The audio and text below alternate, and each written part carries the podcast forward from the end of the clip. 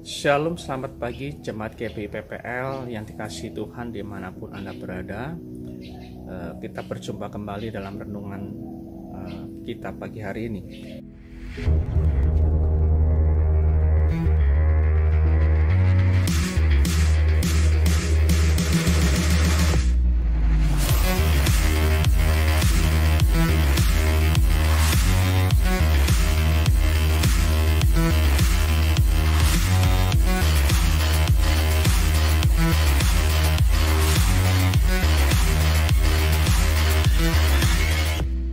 Saya akan membawakan satu topik yang berjudul Keluarga adalah tabernakel Allah. Nah, keluarga sendiri dalam bahasa Ibrani artinya adalah eh, host. Ya, host itu menunjuk kepada struktur bangunannya. Keluarga dalam bahasa Ibrani bayit, bayit sendiri artinya adalah home yaitu oh, oh, bukan hanya sekedar struktur bangunan tapi lebih menunjuk kepada orang-orang yang diam di dalam rumah itu. Kalau saudaraku pergi ke sebuah hotel, maka saudara tidak eh, bisa tinggal di hotel itu tapi saudara hotel itu bukanlah home bagi saudara ya karena saudara tidak menjadi bagian dari keluarga eh, orang-orang yang di dalam hotel itu. Tapi kalau saudaraku pergi berkunjung ke rumah sahabat dan diterima dengan sukacita di rumah sahabat saudara tinggal di sana. Kemudian eh, saya mungkin tinggal di rumah saudara kemudian saudaraku menjamu saya makan bareng kita bisa bersendaguro saudaraku sangat welcome menerima saya dan saya nyaman sekali di rumah saudara. Karena saudara adalah sahabat saya maka saya merasakan home ya. Rasa nyaman damai dan merasa diterima di rumah itu. Nah yang ketiga arti dari bayi sendiri adalah uh, prison ya. Artinya uh, penjara bagaimana kita waktu menikah dengan pasangan kita kita berkomitmen akhirnya kita tidak bisa lagi bebas seperti dulu. Segala keinginan kehendak kita harus disesuaikan diselaraskan dengan keinginan dan kehendak dari pasangan kita. Harus ada komitmen yang baru. Itu artinya kita bersedia dengan sukarela membatasi ruang gerak kita membatasi segala keinginan kita. Tidak bisa semaunya sendiri lagi. Dan kita dengan sukacita menyatukan bersatu dengan istri kita. Itulah yang maksud dari penjara. Bukan penjara dalam arti negatif tapi penjara dalam arti mengurangi merampas kebebasan kita untuk satu tujuan yang lebih baik lagi. Nah yang terakhir kata bayit sendiri artinya adalah temple ya. Tempat pemujaan. Nah di sini saya akan membahas bahwa keluarga dibentuk Tuhan disatukan Tuhan ketika Hawa dibawa kepada Adam maka Tuhan sendiri hadir di tengah-tengah mereka itulah institusi yang pertama dibentuk oleh Tuhan yaitu keluarga. Betapa pentingnya keluarga. Nah saudaraku keluarga didesain dengan Tuhan dengan tujuan di tengah keluarga itulah nanti ada penyembahan ada ibadah ada ucapan syukur yang dinaikkan kepada Tuhan dan Tuhan disenangkan.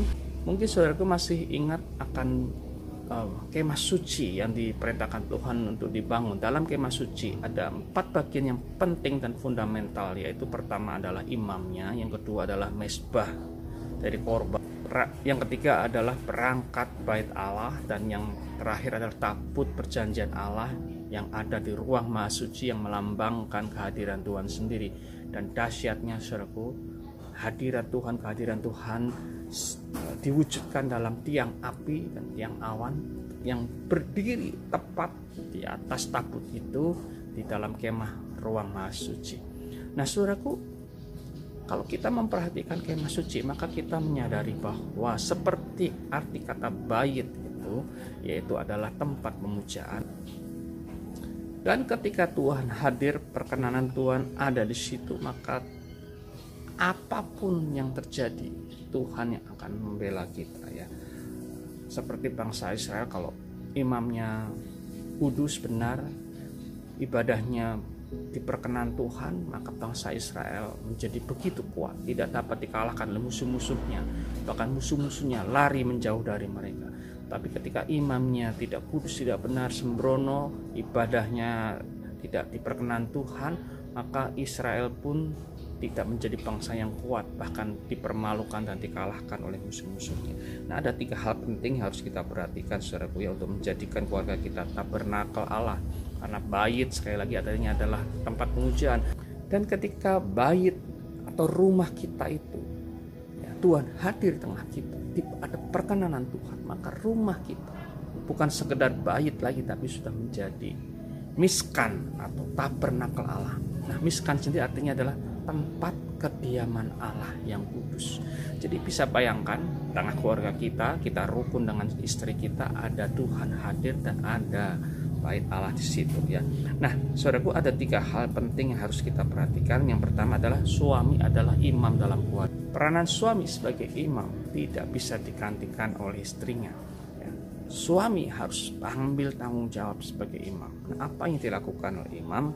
Imam itu sebagaimana ulangan 11 ayat 18 dikatakan tapi kamu harus menaruh perkataanku di ini di dalam hatimu dan dalam jiwamu. Kamu harus mengikatkannya sebagai tanda pada tanganmu dan haruslah itu menjadi lambang di dahimu. Kamu harus mengajarkannya kepada anak-anakmu dan membicarakannya apabila engkau duduk di rumahmu apabila engkau sedang berjalan dalam perjalanan apabila engkau berbaring dan apabila engkau bangun. Nah saudaraku perhatikan ada kata di hatimu, di dalam jiwamu, dan tanda pada tanganmu.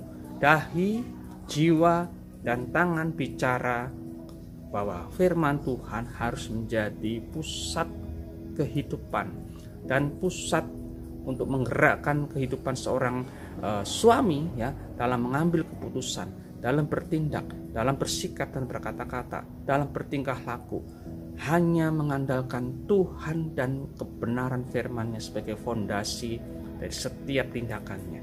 Itu adalah arti dari uh, firman tadi. Artinya kalau seorang suami memegang teguh seperti itu maka dia menjadi imam yang baik.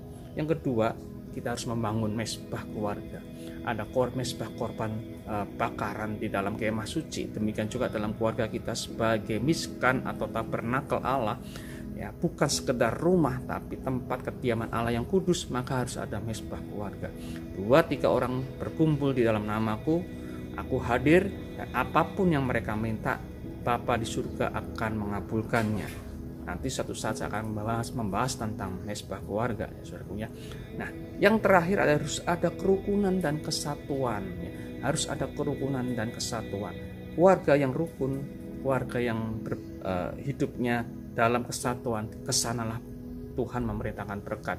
Dalam Mazmur 133 dikatakan sungguh alangkah baiknya dan indahnya apabila saudara-saudara diam bersama dengan rukun seperti minyak yang baik di atas kepala meleleh ke janggut yang meleleh ke janggut Harun dan ke leher jubahnya seperti embun gunung Heron, Hermon yang turun ke atas gunung-gunung Sian sebab ke sanalah Allah memerintahkan berkat kehidupan untuk selama-lamanya. Nah, saudaraku, Mazmur 133 adalah Mazmur siara.